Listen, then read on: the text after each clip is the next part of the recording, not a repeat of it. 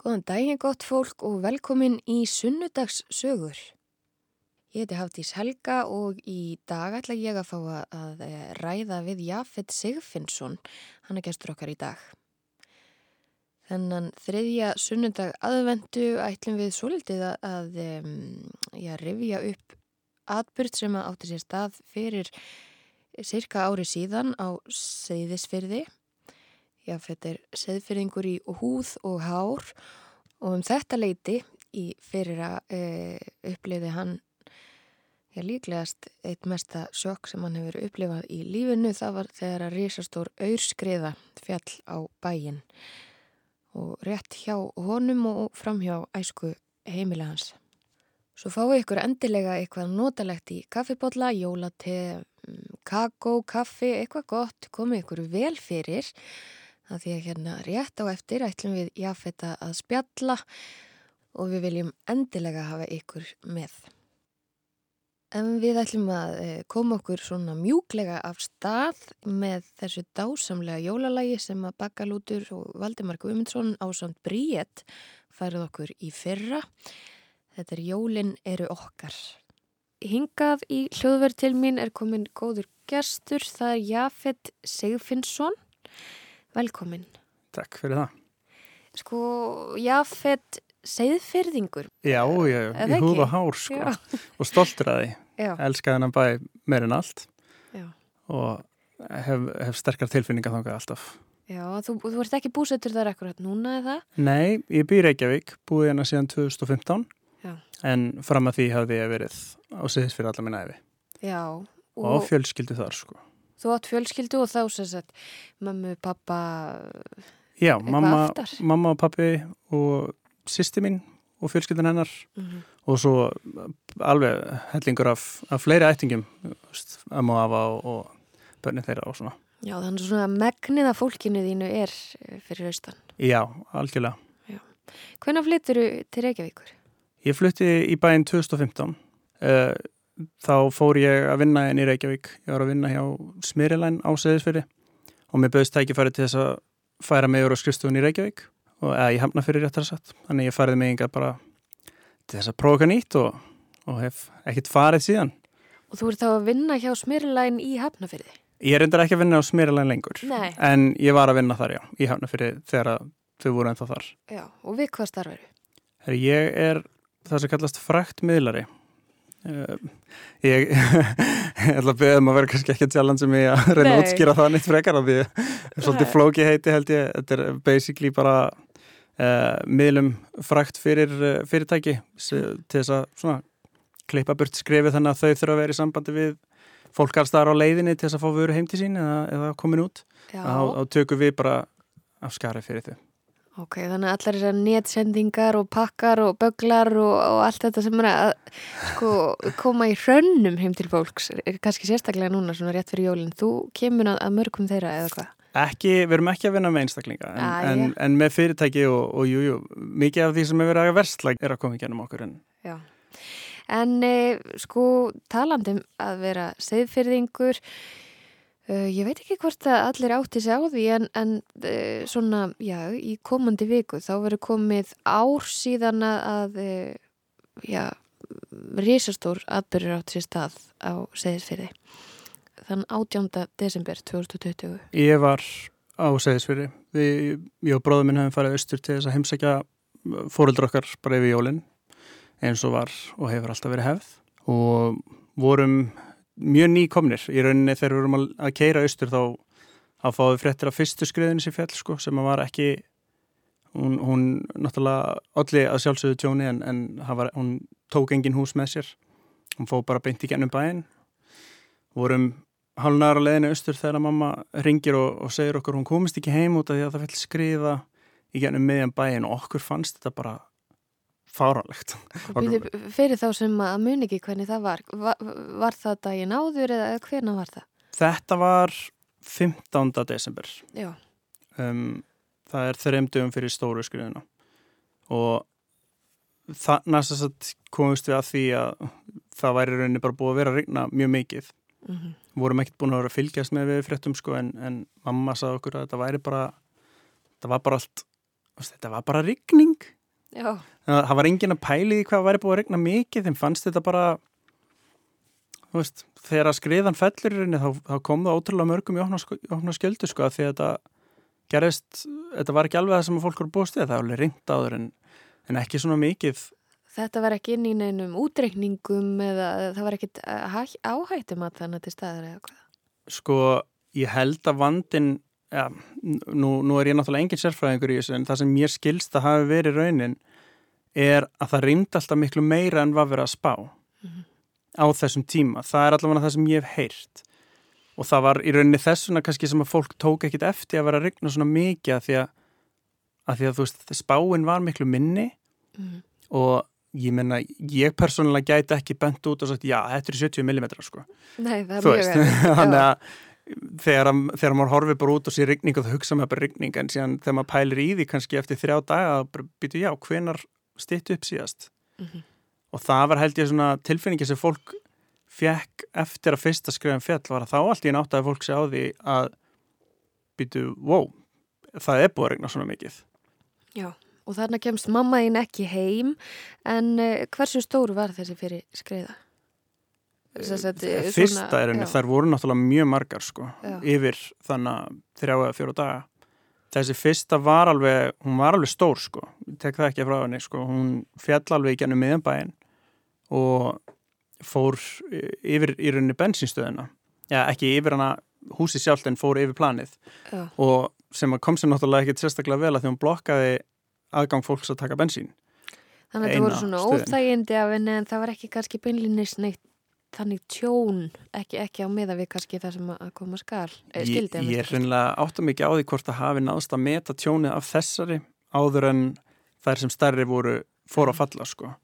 Af því að hún var náttúrulega ekkert stóri samanbyrði við seinni skriður og aðra sem fjallu í far hennar sko Mhm. og skemmdu miklu meira og þar á meðal eh, innviðið í, í húsnæðinu sem að er við bensinstöðina og, og reif líka með sér hús.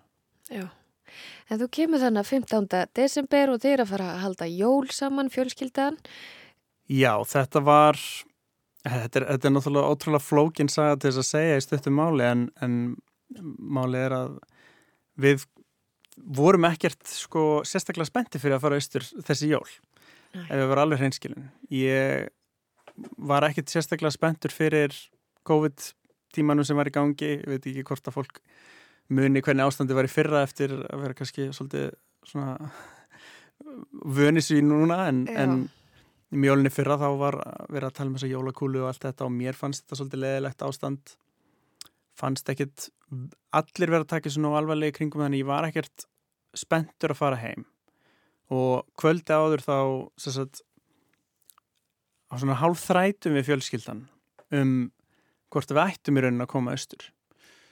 Og ég nefnilega sko allir sem þekkja mig vita það að ég drýf mig alltaf austur. Ég fer alltaf bara klukkan sko helst 7-6 um morgunin bara til þess að geta nýtt allan daginn. Já, en í þetta skipti þá voru við bara ekki að flýta okkur eins og pínlítið lögðum að stað um hádegispil og vorum bara ennþá ekki alveg ákveðnir í að fara austur fyrir en bara rétt árum leggjum að stað.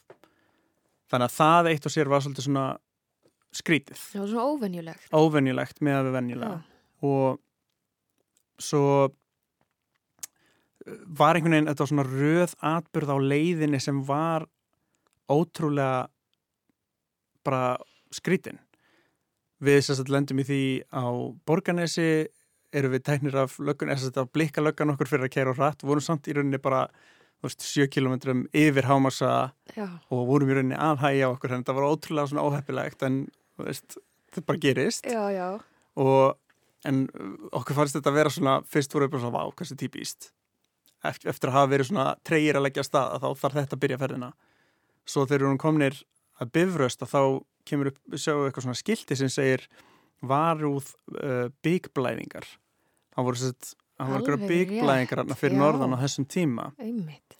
Bara og þá Mikla skemmtir á, á dekkjum og bílum og, ótrúlega mikið um trukka sérstaklega sem voru að skemmast þannig við það að keira en ég var ekkert búin að heyra þessu á þessum tímapunkti og e, þannig ég fer eitthvað inn á, inn á neti að reyna að finna eitthvað fréttur um þetta og fann ekkert og, og bróðum minn sagði við mig já, þetta hlýtur að vera bara frá því sumar eða eitthvað.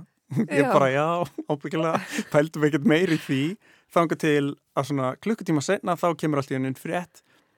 Fólk er helst ekki að fara á norðurleðina, bara næstu, þú veist, tvo daga eða eitthvað. Leiðina sem að þið voru að keira. Bara komnir, komnir meir en hálfa leið, sko. En það Já. var vegurinn mjög skrítin. Um, þannig að það var svona skref tvö af þessum furðulegu, furðulegu svona furðulegu hlutu sem gerist á leiðinni og svo náttúrulega þriðja var náttúrulega bara þegar mamma ringir og segir okkur af þessu skriðu að þá voru við bara svona eigum við að vera að fara austur eða þú veist, Já. hvað erum við að pæla við vorum búin að vera treyjar að fara og loksins drifum við okkur að stað og þá bara einhvern veginn var eins og heimurinn væri bara að segja nei nei, haldið ykkur bara heima Þetta er svolítið eins og, það sé bara stöðugt verið að setja eitthvað svona stoppmerki fyrir fram. Já, og bróður minn var alveg, eftir þetta síntalið mömmu þá var hann alveg við mig bara snúum bara við og ég eitthvað, nei, við erum komin svona langt Þið voru klárum með eitthvað svona tilfinningu, eitthvað svona, eitthvað svona vonda tilfinningu. Já, ég, þú veist, það er nefnilega skrýna, við vorum með mjög skrýna svona óþægilega tilfinningu yfir þessu en ég tengdi það samt ekkert við neitt annað heldur en bara ástandi í samfélaginu. Mhm. ég tengdi það ekkert við neitt meira en, en hún náttúrulega jógst bara upp úr þessu. Og þá, þá var ekki lengur COVID-pælingar í gangi, sko, það var ekkert í hausum á mér á eftir þetta. En það var mjög svona, já, sérst að þegar við komum síðan heim og kerum inn í bæin og leiðin sem við þurfum vanlegast að fara heim var bara ófær út á drullu komum náttúrulega mjög seint og bærin var bara sofandi, eiginlega þannig að þetta var svona, svona ég veit ekki hvað orð maður getur notað á íslensku, ég myndi segja bara svona eerie Já. tilfinning yfir Já. bænum, bara svona drungaleg stemming en, en við vorum samt alveg bara, já ok, þetta er, þetta er eitthvað öðruvísi ástand og komum heim og mamma og pappi eru ennþá vakandi og, og þau segja okkur frá því að sýsti mín sem sagt býr líka og segis fyrir en ekki, hún býr náttúrulega ekki með þeim eh, hún var órólegi við því að við værum hana það var búið að rýma hús í bænum en það var ekki búið að rýma svæði sem við vorum á og þetta er 15. þreim dögum en þá fyrir Já. skriðina og hún vildi helst ekki að værum hana en, en pappi og mamma voru búin að tala við við fólk sem að veist, var í óaflóða hérna, hvað sem er, óaflóða Og Svona vöktun ykkur eða eitthvað akkurat. uh, og voru búin að fá bara þú veist að það væri alltaf lægi Já. við, varum ekkert á hættusvæði og þá búið að rýma húsin hann í kringu þessi skriðanfjallin en þeir töldu að enga hættu á, á svæðinu þar sem við erum um, við búum á þannig stað á segðisri að það er uh, mjög fallegur foss sem rennur á bakvið húsi okkar Já. sem að kallast uh, búðareirar árfoss algjör tungubrjótur ég ég ætla ekki að svona að reyna að við, kallum hann alltaf bara Múlafoss í, út af húsi okkar heiti Múli en Já. það eru skipta skoðanur um hvort það sé samfikt nafn. Um, þannig að hann hefur alltaf verið okkar svona vöktunarkerfi. Við vitum það að þegar það er mikið vatn í honum Já. að þá ættum við kannski að vera svolítið á varbergi en það var bara, hann var bara rólegur. Þá á Varbergi samt gagvart því að það gætu komið skriður Já, já, ég í, segis fyrir ennáttúrulega byggður á þenni svæði að- við, það vita allir að þannig gætufallið skriður og gætufallið snjóflóð og Mhm. Margir segja, þú veist, af hverju langar einhverjum að búa en, en ég segi bara, þú veist, er einhver staður örugur, 100% við búum núna býð í Reykjavík þar sem eru jarðskjaldar og, og eldgós og svo, þú svolítið veist. partur af því að búa þessu skeri hérna. já, já, það, bara í þessum heimi. Já. þú ert hvergi 100% óhættur fyrir náttúrunni. Og ég, við höfum alltaf bara hort á það þannig að þú veist þetta er ekki, þetta er ekki algengir atbyrðir þó svo að við vitum alltaf er geti gest þá svona stórar skriður, ég menna þessi skriða sem fjall í desibir í fyrra þetta er stærsta skriða sem hefur fallið í fjölbíli bara síðan að bara Já. talningar eða þú veist uh, fór að, fór að fylgjast það með er þessu. engar skráðar heimildir fyrir, fyrir hérna, stærri skriðu Akkurat, hér á landi nei, ekki, ekki í hérna fjölbíli einmitt. Það féll Eh, starri skriða einhver staðar hérna úr einhverju fjalli í, Mhm. fyrir nokkrum árum en hún var hjút sko en, en það var ekkert í fjölbíli þannig að Nei, þetta er auðvitað allt, allt annað þegar að það fellur svona yfir einmitt bæ, yfir heimili Já. og uh, já, fyrir þá sem að voru kannski að koma að tækunum þá eru við Jafet Sigfinnsson að ræða saman. Jafet er segðfyrðingur í húð og hár og við erum að rifja upp þennan örlagaríka tíma e, svona já, 15. til 18. desember 2020. Og við ætlum að halda því áfram hérna rétt að þessu loknu. Og við höldum áfram e, spjalli okkar í sunnudagsögum. Hjá mér er Jafet Sigfinnsson og uh, hvert voru við komin? já, uh, við vorum, já, sagt, þegar við erum nýkomnir heima þá segja fóröldrar okkar uh, okkur frá því að sýstir okkar vildi helst ekki að við erum heima. Hún vildi að við myndum koma til sín um, sem að var, þú veist, ég man bara að okkar svona viðbröð var bara svona, oh, nennum ekki, vorum að koma, mér langar bara að vera heima. Uh, heimili mitt á segisveri er algjörlega minn griðastæður. Það er besti staður sem ég veit um. Þetta er mjög gamalt og fallegt hús, 140 ára hef ég, hef ég til rétt. Það eru dásamlega fallið gummul húsið mitt þannig á segisveri. Þau eru það nefnilega og þetta er náttúrulega ótrúlega dýrmætur staður, dýrmætur bær, mikið af bara minnjum sem að eru menningaminjar, bara algjörlega ómetanlegt. Mm -hmm og húsið okkar er algjörlega eitt af þeim. Þetta er eitt af eldstu húsunum á Seðisveri og, og á ótrúlega ríka og, og gamla sögu og mm. það einmitt, hefur einmitt spilað svolítið svona inn í þessa tilfinningu að líða örugum að þrátt fyrir veðrið er að húsið hefur staðana í ansi langan tíma Já. og þú veist, svona aðstæður hafa ekkert myndast síðan en Það er náttúrulega líka raunin er að húsið er byggt ofan á gamalli skrifu sem að er talið að hafi fallið fyrir, ég veit ekki, þúsund árum. Já. Þannig að veist, þetta er ekki uh, óheirt.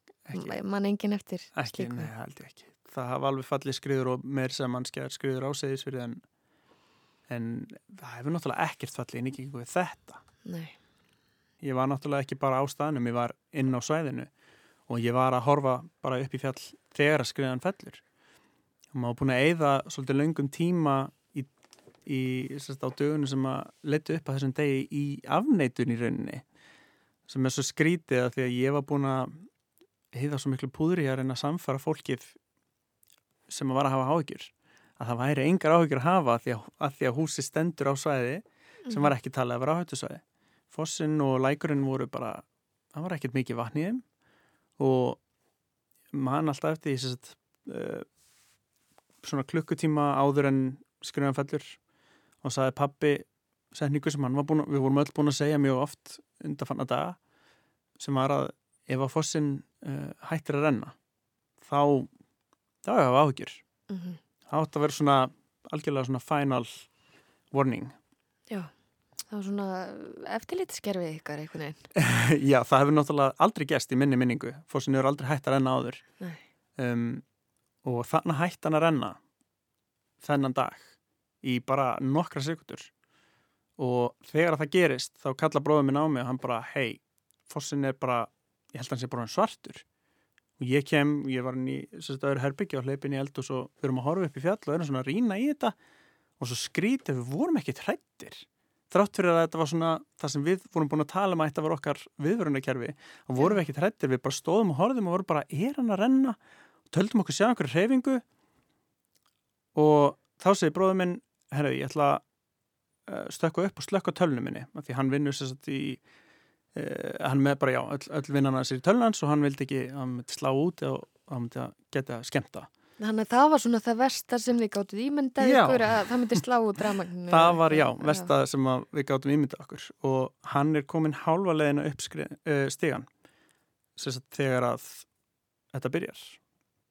Ég er að horfa bara beint upp í fjall og fórsinn sem ég ólst upp við alltaf að leika mér í við rætur fjallsins og bara ótalminningar af þessum ótrúlega fallega fórsinn sem að er og hefur lengi verið bara einn og svona vinsalustu uh, viðkomistuðum ferðamanna á seðisfyrir það var þetta að lappa svo langt upp á hannum og fallið svona stein fyrir framann og ég er að horfa ágað þegar að bara, það er eins og fjalli bara bókstallega springi. Ég myndi segja að húsið sé 100 metra í byrtu kannski Já.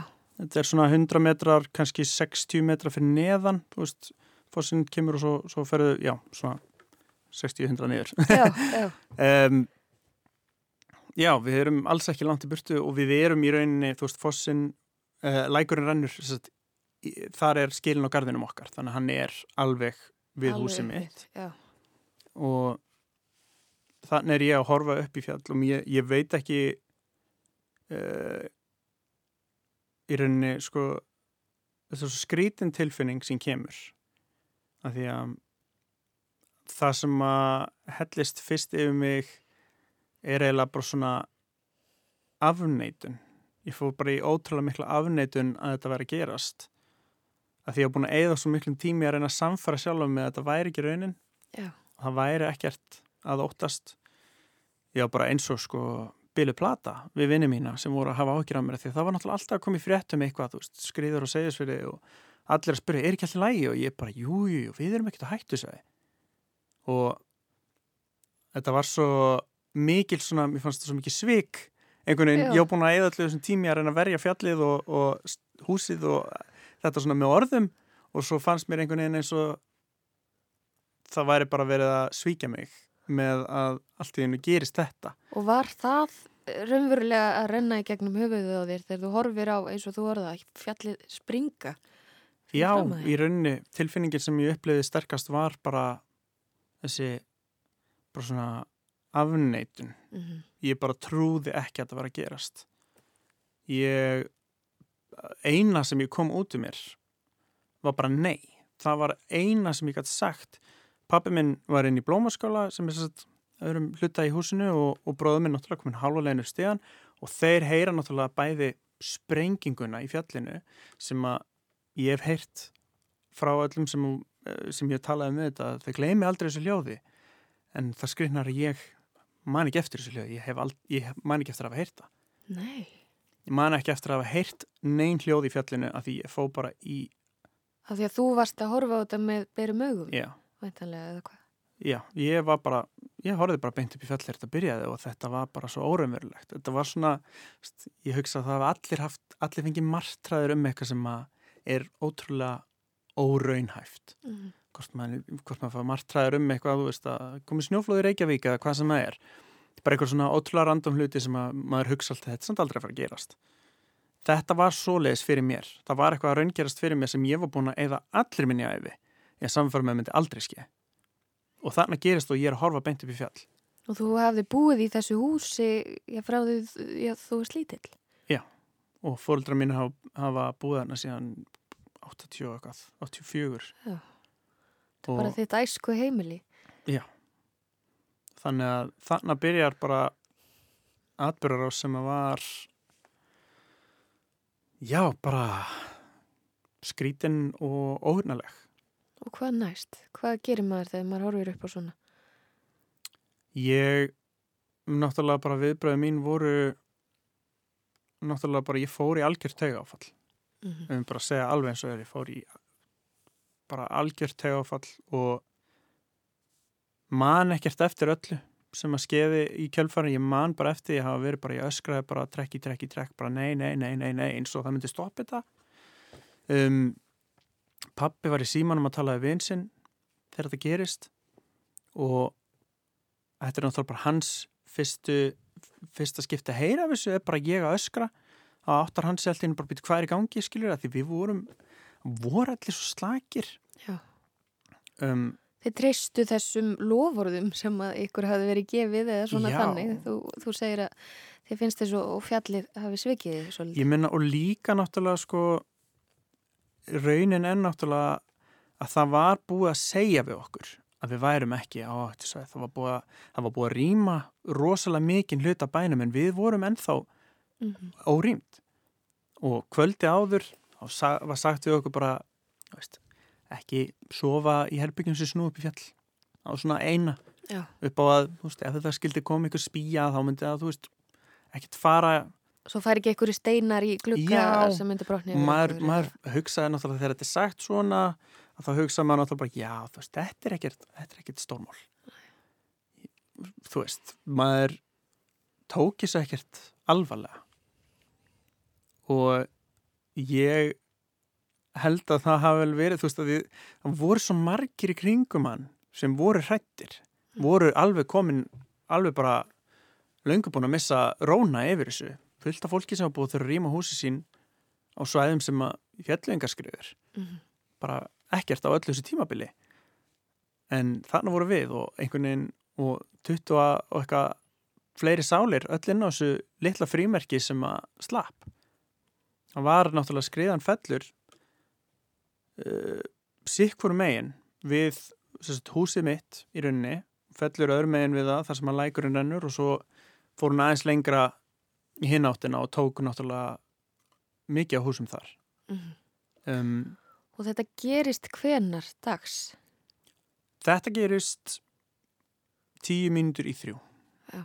Og það var í raun mikil gæfa að þetta gerist ekki um nótt eða eitthvað Já, Slík. ég held að sko ég veit náttúrulega ekkert hversu mikið af þessu fólki hefur verið inn á svæðinu þá um, allavega ekki þeim húsum sem fóru en ég hugsa alveg að einhverja af þeim hefur verið mönnuð ef, um, ef þetta hefur verið um nótt. Og það hefur náttúrulega það hefur bara verið ég þakka svo mikið fyrir það að það hafi enginn dáið.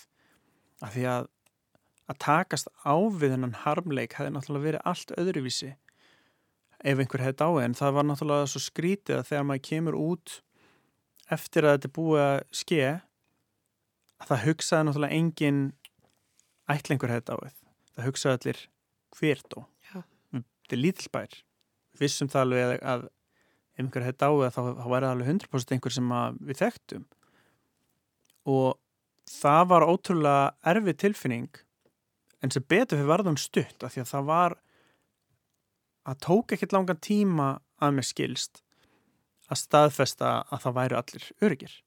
En ég man bara því að um, ég horfið á hús nágrannar míns bara springa út eftir skriðuna sem er bara hinn með við lækin og það var ótrúlega erfitt að horfa upp á því ég vissi ekkert hvort hann væri heima eða ekki. Og vissi að þú veist hann á tvær litla stelpur og fannst mjög erfitt að horfa á húsi fara því ég var bara, þú veist maður, maður einhvern veginn var svo vissum að það væri mörg líf farin núna. Mm. Er það eða bara ótrúlegt að hafi ekki verið svona þetta var risastórt þessi skreiða var svo stór ég get ekki eins og sé það fyrir mér almenlega og þegar maður kemur hann og maður sér sárið þá er þetta svo fáralegt að maður hafi sloppið, maður hafi lifað þetta í alveg naf. Já. Og mamma einn horfið upp á þetta hinum meginn frá, er það ekki sett? Jú, mamma var sett, um, hún var út í ferjuhúsi sem er, ég veit ekki, 100 metra í burtu. Um, hún var uh, svo, svolítið kallt henni hún var með sett fulltrúa uh, ofanflóðasjóar til þess að sína uh, skemmtinar af því það náttúrulega þetta er því mikið tryggingamál hún er með henni þegar að skriðan fellur og ég held að það hljóta hafa spilað svolítið inn í hversu uh, undirtæktina sem maður fekk frá þeim strax eða þú veist þeir sem mistu, uh, mistu eignir hana er að það fólk varðana, það sá þetta með eigin augum. Og mamma var þar þegar að skreðan fellur og ferirunni bara líka það er bara svipu, svipu viðbröð hjá henni og, og hjá mér að því hún heldur að hún sé bara að horfa á fjölskyldin sinna fara, það bara þyrlast upp sem bara svona rík og húsi sést ekki lengur allt í hennu og hún var alveg vissum að vera farið og sýsti mín var líka nefnilega á svipuðu stað. Við vorum öll einhvern veginn á svona við vorum öll inn á þessu. Það var ekkert okkar ekki, ekki vart við hvað verið í gangi. Sýsti mín og mamma voru báðar kannski 50 metra frá hver annari að horfa á þetta. Vissi ekki einu svona af hver annari sýsti mín held að mamma verið heima og þetta var bara svo, þetta, þetta er svo mikið áfall og svo erfitt einhvern veginn að fá aftur þessa öryggistilfinningu sem að fer alveg út um klukkan við þetta Já. að horfa á fjallið hrinja yfir Góður hlustundur, þeir að hlusta á sunnudagssögur. Uh, við erum að ræða við Jafet Sigfinnsson sem að er segðfyrðingur í húð og hár uh, og við erum að rifja upp þannan örlagaríka dag 18. desember 2020 þegar að skriðan stóra, stærsta uh, skráða auðskriða sem fallið hefur á, á þjáttbíli á Íslandi fjall uh, yfir bæin og, og jáfnveld uh, rétt slapp þannig ásand fjölskyldu sinni. Uh, við ætlum að halda áfram að ræða við jáfnveld hérna rétt að þessu loknu. Þeirra hlusta á sunnudagsögur og gestur minn í dag er Jafet Sigfinnsson. Við erum að ræða um seyðisfjörð og þann erfiða atbyrð sem átt sér stað fyrir árið síðan þar. 18. desember 2020 Jafet, við vorum svona já, kannski komin þannig akkurat í hápunt sögunar eh, þú varst að segja okkur frá því bara hvernig það var að horfa upp á fjallið springa. Eh, þið helduð einhvern veginn öll fjölskyldan að, að einhver liti hafa farist með henni. Svo var ekki raunin. Hvað svo, hvernig heldur maður jól? Eh, hvernig fer maður tilbaka heim til sín eftir svona og, og hérna hvað, hvað gerist næst? Já, í rauninni sko þegar að skriðan uh, er svona, já, staðnuminn ef maður getur sagt það þá setjum við bara eftir hann að maður þorðið eða ekkert að trúa því að hún væri hætt. Um, ég ringdi í mömmu minni mig uh, annarkort ringdi ég hann eða hún í mig. Og við greitum bara saman í síman hún náttúrulega vissi ekkert betur en að við værum bara farnir og hún og sérsti mín báðar einhvern veginn bara að búa sig undir að koma og fara að leita í rústunum. Mm. og þetta var ótrúlega þetta voru, þetta voru bygglega lengstu tíu mínútur lífsmýns þegar við erum hana í húsinu. Það er hana 8 gráði hvað er maður að gera. Hvert er við að fara? Er við að Þeir stóðu bara kjörir, það er ekkert ekkert að gera þeir bara uh... Við vorum að raugraða hvort við ættum að fara upp á aðra hæð Já. upp á að vera örugari þar ef önnur skildi fara og taka húsið um, og deildum við hvort við ættum að fara út á smábútahöfn sem er beint fyrir neðan hús upp á að vera uh, það er kannski svona staður sem að skrifa að vera líklegust til þess að ná mann ekki ef að kemja önnur mm.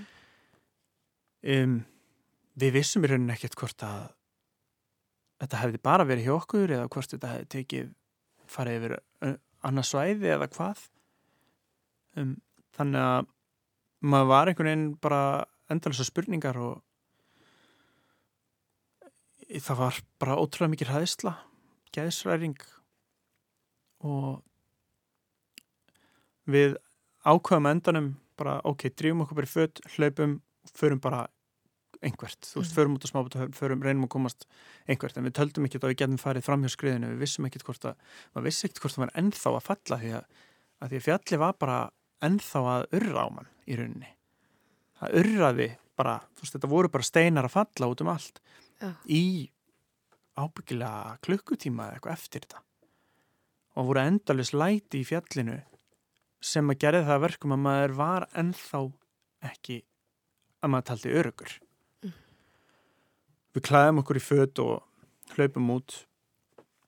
Og þegar við erum komin fyrir neðan hús þá mætu við björgunarsveitinni sem að ég vissi reyndar ekki á tímanum að var að mörgum að mörg þeirra voru inn á svæðinu. Að því að björgunarsveitahúsið er beint, eiginlega beint fyrir neðan húsi okkar. Um, það var náttúrulega ótrúlega mikið fólki að nynna á þessu svæð sem að maður sér ekkert grein fyrir. En við mætum uh, sagt, Davíð sem er í Björgunsveitinni og ég bara fjall í fangi á hann hann sagði mér að segna hann sló mig utan þetta þegar ég var bara eitthvað svo ég var bara út úr því. Ég var bara einhvern veginn eins og þú sagði ráðum, kannski bara fegstu ákveði taugafall algjörlega. Þetta var bara tilfinning sem ég hef aldrei upplöfað áður. Mér fannst ég ekki verið neina stjórn yfir líkaða mínum. Nei. og hann fóri bara í algjört flight mode bara flýja, þurfti bara að komast ég vissi ekki hvert. Mm. og ég var með hundi minn sem að uh, þetta var líka hann inni þegar þetta gerist og, og ég vissi bara einhvern veginn við þurftum bara að komast að hann. Hlöpum og hann segi við okkur fara út í ferjús, fara út í ferjús þannig við hlöpum þonga og mætum sýstu minni og mömmu minni. Og það urði náttúrulega bara ótrúlega miklir bara tilfinninga þrungnir fundir af því þannig erum við við að sjá þær aftur vissum ekkert að þær hefur verið að horfa á þetta vissum náttúrulega í rauninni ekkert hversu mikið svæði af bænum hefði farið. Og þær sem er leiðis voru alveg vissur um að við varum dánir. Þannig að þetta voru ábyggilega bara tilfinninga þrungnustu sekundur lífsmins Já og þetta er sko um hávetur svo það er Já. mjög dimt væntarlega það er svona farið að rökkva þegar að þið farið að reyna að taka þetta allt saman inn eða, ekki? Ég menna í rauninni skriðan fellir í kringum að verða þrjú. Þannig að þetta er bara einmitt akkurat í bara uh, ljósaskiptum. Já. en það var náttúrulega bara rigning þannig að það sást ekkit í heiminin það var bara skíjað og búið að vera það í marga daga maður var einhvern veginn ekkert lengur að átta sig á því hvenar tíma dags e eitthvað var að gerast út af því að það var bara alltaf dimt en þarna var náttúrulega akkurat að verða alveg dimt Já. og maður náði ekkert með, þegar maður stendur að horfa upp í fjall við sáum ekki einu sinni allt sem að hafði farið allt sem var lengra en húsið okkar allt sem var lengra út með fyrði það voru að ég held 12 hús. Eða í kringum 12 hús allavega sem að eðlaust bara alveg. Og mörg af þeim mm, já, mjög gömul falleg verðmætt hús fyrir segðfyrðinga en einmitt þess að þú segir ég held að- einmitt bara að langt flestir að hafa verið í kringum 100 ára ef ekki Já. og mörg þeirra eldri og suma aðeins yngri. En kraftaverki líkast að, að, að það varð engin undir. Ekki ein manneskja og ekki einu sinni að minni vitund neinn dýr, Nei, gældýr þar að segja. Einmitt. Er það svo bara daginn eftir sem að, þið fáið almennilega að, að sjá aðstæður þannig, hvert farið þið? um, við fórum uh, beint eftir að skrifa um fellur þá var bara öllum bænum smalað saman í samkomiðstöðuna og segðis við herðubreið og það var náttúrulega ótrúlega súrælist tilfinning að við stöndum hana. Það var veist, auðvitað leðilegt að segja þetta því að au- auðvitað var engin viðbúin þessu þannig að ég, ég skilða mjög vel en þetta var ótrúlega óskipulagt Mm. um, mér persónulega fannst engin þörfa á við værum hana á tímanum, ég var pyrraður á að þurfa einhvern veginn að standa hana í allir þessi mannþröng um miður COVID var náttúrulega, það var grímuskylda en það var, að, var auðvitað erfitt að fylgja því eftir fólk var bara, það voru allir í gerðsæringu þetta var náttúrulega Já. það hávært að ég held að það hafi ekki verið ein manneskja heyrði þetta ekki og var ekki var við þetta að eitthvað hefði skeð Það var komin þarna stærri ógn heldur en COVID allt í einu. bara miklu stærri Já. miklu, miklu stærri og einhvern veginn gerði það að verkum að það var ótrúlega erfitt að reyna að pæli því. Það var erfitt að vera eitthvað að reyna síðan líka að vera eitthvað, ó já, þú veist, sótvarnar og allt þetta skilur mm að því að maður var náttúrulega bara fuck that, bara, sorry ég, kannski hafa ekki út spynu það er aftilega, jú, jú. en bara þú veist, maður var ótrúlega mikið að reyna reyna náttúrulega að vera ekki of mikið þannig að vera að hugsa um hvað þetta verið ræðilegt allt saman en svo náttúrulega kemur þetta aukalega ofna og það var náttúrulega bara pyrrandi aðalega Já. en þannig að við, við erum alls saman í, í herrubreið og svo erum við uh, eru, eru við bara er okkur sagt að það er bara rýma bæinn alveg sem að hefur að mér skilst ekki gerst síðan líklegast bara annarkort Súðavík eða Flateri eða jável, ég veit ekki eins og hvort það hefur rýmdi bæinn þá, ég, ég held það. En þú veist, þetta hefur að mér skilst gerst þrisvarsunum í sögu Íslands. Að heil bara bæjarstæði séu algjörlega, Já, en ég sel það nú ekki dýrar en ég kefti það, ég bara hef heyrt það, ég Já. veit það ekki en þetta er allavega, þetta er mjög sjálfgæft eðlilega að heilt bæði fylga sér, sér rýmt og einhvern veginn svo skrítið að heyra sögurnar einmitt af, af fólkinu sem var síðast út vandaði bara einhvern veginn að slöka ljósin. Já, Bara draugabær. bara algjör. Og myndina sem að maður sá síðan að því við vorum bara í við fórum í sumabústað í einastöðum Mm. þurfti náttúrulega að finna húsina fyrir alla á segðisfyrði og íbúðar eilstaða voru og fellabæðar voru svo ótrúlega indisleg að bjóða bara opnuðu algjörlega famsin og síndu nágranna kærleikin með að taka mót okkur og, og það gerði í rauninu öll þjóðin sem að er og verður alltaf ómetanlegt. Er samstaðan sem að maður fann í kjölfarið. Af því þetta var eitthvað sem að enginn bjóst við og svona rétt fyrir jól. Það er náttúrulega bara þú veist mér fórst séðan mjög svo skrítin pæling þegar fólk fór að tala um hvernig verður síðan jólin ég var alltaf bara að byrja, ha? Jólin, já, Já. þau eru alveg að koma uh, veit það ekki langar ekki pæli. Og hvernig eru þau jólinn? skrítin Já. Ég segi það bara alveg svo er, við reyndum okkar besta að gera eins gott við gátum úr þessu, fengum að koma aftur aðeins inn heima, við langar að segja þorlóksmessu, fengum að ná í bara svona hlutin okkar þegar við hefum náttúrulega skilið eftir allt. Maður er náttúrulega ekkert að hlaupa út með, með þú veist, ferðartöskuna eða, eða tampustan þegar að eitthvað svona gerist, þú bara, þú drífuð út og ert ekkert að pæla í hvað er, það, hvað er eftir. Æðlilega.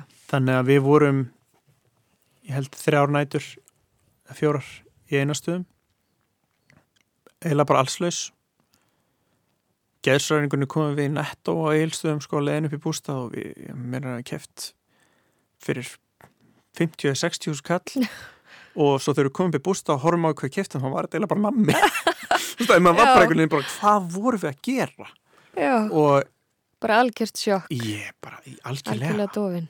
Já, ég man ekkert alveg hvenar maður náði sér fyrst aftur á jörðina eftir þetta. Hvernig maður fyrst bara einhvern veginn komin aftur í raunveruleikan. Mhm. En þetta var náttúrulega, þetta var óraunverulegt í svo langa tíma, í fyrsta lagi, bara einhvern veginn að reyna að ná utanum, utanum hvað hafði skeð.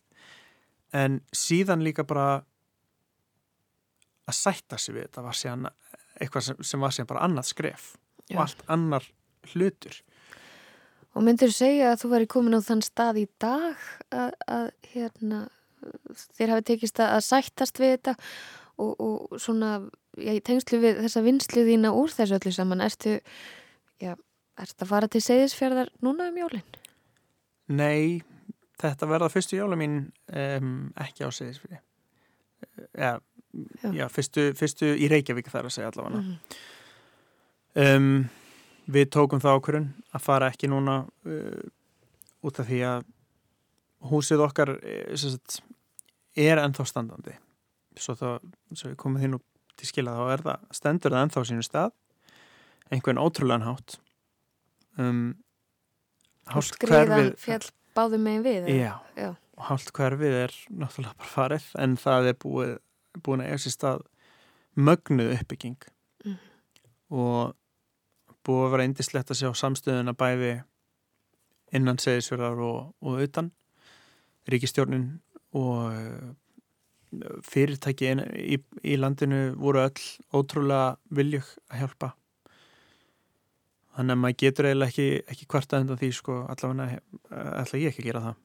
Og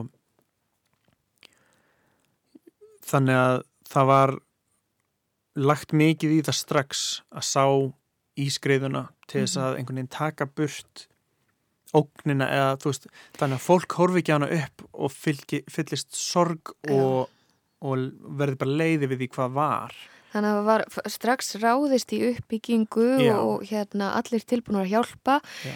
en samt sem áður kannski kemur öryggistilfinningin ekki alveg um leið. það er, það er alveg svolítið markþætt. Ég veit það að það er fullt af fólki sem að þorir ekki að vera lengur á sæðinu. Ég veit um fólk sem að er búið að uh, bæði yfirgefa segisfrú og, og fara úr húsinu sín sem að kannski ennþá stóð Mm. og ég skil það mjög vel. Ég veit ekkert hvort ég myndi meika að vera hana um, allt árið núna eins og ég hef verið áður í gennum tíðina. En ég kom fyrst á seðisverð eftir skrifuna í apríl um páskana. Og ég fann strax fyrir samt ró og öryggistilfinningu í húsinu sem að skipti við miklu máli. Um, þetta er ótrúlega skrítið einhvern veginn að upplifa því að ég var alveg vissum að það erði ótrúlega erfitt að vera heima. Og við vorum heppin með það og mjög gott viður þegar við komum hann í fyrsta skipti eftir þetta en svo síðasta daginn byrjar að regna Já, að það er um páskana? Já, um páskana. Mm -hmm. Það náttúrulega byrjaði að fyllast af þessu óöryggi og ég var í heimsókn hjá vinkunum minni þegar það byrjaði að regna og ég, bara, ég datt bara einhvern veginn út andlega. Já. Ég bara Kannski ekki hugsa um neitt annað? Nei, en af einhverjum veldum og ég áttaði mikið svona á þessu fyrir svolítið löngu senna þannig er, er ég búin að vera að hitta sálfræðing og búin að vera að vinna úr þessu um, já, því ég var uh, alveg á mörkunum að vera með áfallastrætur öskun held ég á tímanum. Þannig að byrjaði ég blessunarlega á um, lifin við aðtilsprest sem ég er búin að ætla að fara á í langa tíma og búin að vera að standa í ferlinu lengi. Og það var einhvern veginn eins og það bara það hjálpaði. það var bara svona, eins og það hefði bara verið þoka sem var bara allt í einu létti. Já. og sálfræðingum við sagði nefnilega við mig að, svo, að því mér fannst það svo magnað að ég fór úr því sko uh, á einum degi fór úr því að þurfa að taka sömlif á hverju kvöldi. Frá því í desember og þangu til senni þetta februar og var á kvíðalöfum líka. Og ég gæti sleft þeim samdags tók bara fyrstu nóttina eftir að ég byrjaði ásæstlifjunum og mér fannst það svo skrítið og ég skildi ekki en ég talaði við sálfræðingin minn og hún sagði við mig að það væri alveg ellett að þau ert með svona mikið aðtiklisprest þess að ég er með að þegar þú ert komin að lifa og allt í henni getur hugsað þá er þetta, þú veist, þetta fer úr því að vera eins og að leita að sko nál í bara bókstala heistak yfir í að vera bara hérna í skuffan, hérna er nálinn opnaðan og þar er hún Veist, Þannig að áfalli í raun svona hérna kerði upp uh, þennan aðtiklisprest sem að, að þú varst með eða hvað? Í, í rauninni sko aðtiklispresturinn gerir það verkum að það er svo erfitt að vinna úr áfalli já. að því þú veist ekki átt að byrja. Einmitt. Þú skilur ekki alla tilfinningar sem er í gangi þú skilur ekkert hvað hvað er í gangi bara yfir höfuð og maður bara veit ekki hva, hvað maður hugsa og svo einhvern veginn, þú veist, með aðtilsprestunum eikst líka, þú veist eins og hjá mér að það jógst svo mikið þráhyggjan. Ég var bara með algjör á þráhyggju fyrir að lesa frettir um skriðuna, hvað var í gangi núna á ég hafa ágjur lífsræðslan mín varð svakaleg, bara einhvern veginn ekki um mig heldur um ástunum mína. Ég treysti því bara, nei, enga veginn á þessum tíma og var ég ekki örugur um að, að fólki mitt var örugt heim á þessu. Ég var alltaf, og hvernig einsta mónu bjóst ég við, fyrsta sem ég gerði var að fara ná bara á MBL eða eitthvað og bara er fjallir henni núna, þú veist, mm -hmm. er bara allt farið. Einmitt. Það var og... alltaf tilfinningin. Um, ég er búin að vinna mjög vel úr áfallinu myndi ég segja, en það gerir það ekki að verkum að ég sé tilbúin að vera hana núna, mm -hmm. ekki þessi jól.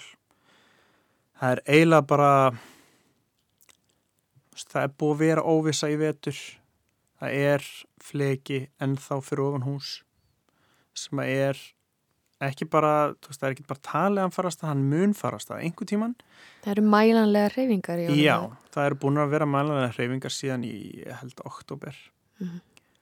og það er náttúrulega raunni bara að vera að býja eftir hann fyrir en mamma og pappi mega samt vera heima og eru það. Það er búið að mæla og reikna út að varninar eiga að get, eiga að taka þetta bara, þú veist, það er eiginlega engar evasendur um að það gerir það. En ég er bara ekki tilbúin að fara í þetta streitu ástand að setja sjálfa mig í þessar aðstæður sem að ég held að gæti bara verið svo mikið bakslag fyrir mig. Ég flúði algjörlega söður millir jól og nýjási fyrra og tók fyrstu áramótu mín ég veit ekki ásæðisfyrir sem var mjög erfið ákverðun, það voru allir, allir að segja ég ætti ekki að gera það. Það vildi allir að ég væri þannig að mér leið bara svo illa. Ég var Við vorum á hótelinu, ég, bróðum minn og hundurum minn, bara ótrúlega erfiðar aðstæður, mjög þakklátur fyrir að hótelið leiði okkur að vera hana. Mm -hmm. Það var ómetanlegt en, en ég myndi aldrei segja að það hafi verið góðar aðstæður því ég var ekki, maður var ekkert heima sem maður var einhvern veginn einhver, þú veist, maður, mér fannst ég bara að vera fyrir Já, uh, og varst ekki á réttum stað Nei, og mér vantaði bara að komast heim, einhvert heim. Hvort sem það væri, þú veist, það voru bara tveir möguleikar, það var annarkort húsið mitt og segðisverðið, húsið mitt í Reykjavík og annar möguleikin var auðvitað ekki í búði, þannig að það var eina sem ég langaði að gera var bara að fara söður Já, hlakkaru til jólana uh, hérna fyrir sunnan í þetta skiptið, fyrsta skiptið. Ég veit það ekki alveg sko. Þetta er, já, já mér hlakkar alveg til, mamma og pappi er að fara að koma söður og það verður ótrúlega, ótrúlega ljúft að eða jólunum saman Já Þú verður laus við áhyggjunar af þeim akkurat þá. Já, það er kannski eiginlega það sem, sem er að besta við þetta. Ég mun ekki þurfa áhyggjur af neinu heima þá. Einmitt. Ég er samt, ég er ekkert lengur já, mikið þar og ég var. Ég er að reyna náttúrulega að, að fylgta þetta svolítið úr hausnum á mér. Að vera ekki að einbita mér uh, ómikið að þessu. Mm -hmm. En stundum er það svolítið erfitt. Það er náttúrulega þegar að kemur svona einhver, einhver hreyfinga þá koma allir fjölmiðlar bara, bara fórsýði frétt hreyfing, veist, það var eiginlega svolítið sem ég fannst rosalega erfitt núna í vetur var umræðan um þessar hreyfingar til dæmis. Að mér finnist að mætti alveg vera smá svona aðgátt hjá fjölmiðlum þegar að vera að fjalla um þetta. Ég bent á þetta á Facebooka því að það var fyrsta skipti sem þetta mældist hreyfingi í, í fyrir ofan húsið heima. Þá kemur bara frétt, ég man ekki á hvaða miðlega var Það var mynd frá því í fyrra, frá eftir skriðunar í fyrra og það stendur uh, flekin fyrir ofan búðar á er á leginni niður eða eitthvað svo list. Það var ótrúlega skrítin, skríti orði frétt mm. og ég sá það náttúrulega strax bara í allir hreinskilni þá fannst mér fyrir eitthvað auðljóst að þessi frétt var skrifuð til þess að fólk myndi smetla. Þetta er ekki efni sem á að... Nei, fyrirsögnin var einhvern veginn þannig að þetta var, hún gerði þess að hræða hún gerði það, hún hrætti mér rosalega mikið, ég var leðin til búð og ég var bara, þú veist, mamma og pappi voru ekki eins og búin að láta okkur vita að það væri verið að rýma. Mm. Ég ringi mömmu og hún bara, já, þú veist, þú þarf ekki að hafa neina áhyggjur en ég bara, ekki hafa neina áhyggjur, það er bara fyrir þetta að fjalli sér bara aftur og leðin niður, skilur sem var þetta fannst mér svo erfitt, einhvern veginn að það væri að það þyrti eiginlega að passa sér svolítið að því að nú er við, ég veit alveg að fjölmjölar fjalla oft um, um erfiða hluti og það eru kannski ekki alltaf gerðir af, af nærgæðinni þegar þeir eru ekki á Íslandi en þetta er eitthvað sem gerist á Íslandi það er fólk sem að upplega þessa hluti og er ennþá að díla á afkastin en margir á miklu verið stað en ég núna mm. þrátt fyrir að hafa kannski ekki eins og verið inn á svæðinu og bara eðlilega þetta var svo mikið áfall að það þarf náttúrulega að passa að setja svona frettir sem er í raunni að það hefur verið að miðla upplýsingar sem er mikilvægt að ég fæ mínar upplýsingar bara frá þessum fjölmjölum hvað er að gerast á seðisfrið því ég er ekki á staðnum. Að þá er ótrúlega erfitt ef að það er sem bara koma einhver svona sleggjufréttir um, um ástandið sem ger ekkit annað heldur en að hræða. Að því rauninni myndir frá því fyrra þær tengjast ekki því sem er í gangi núna.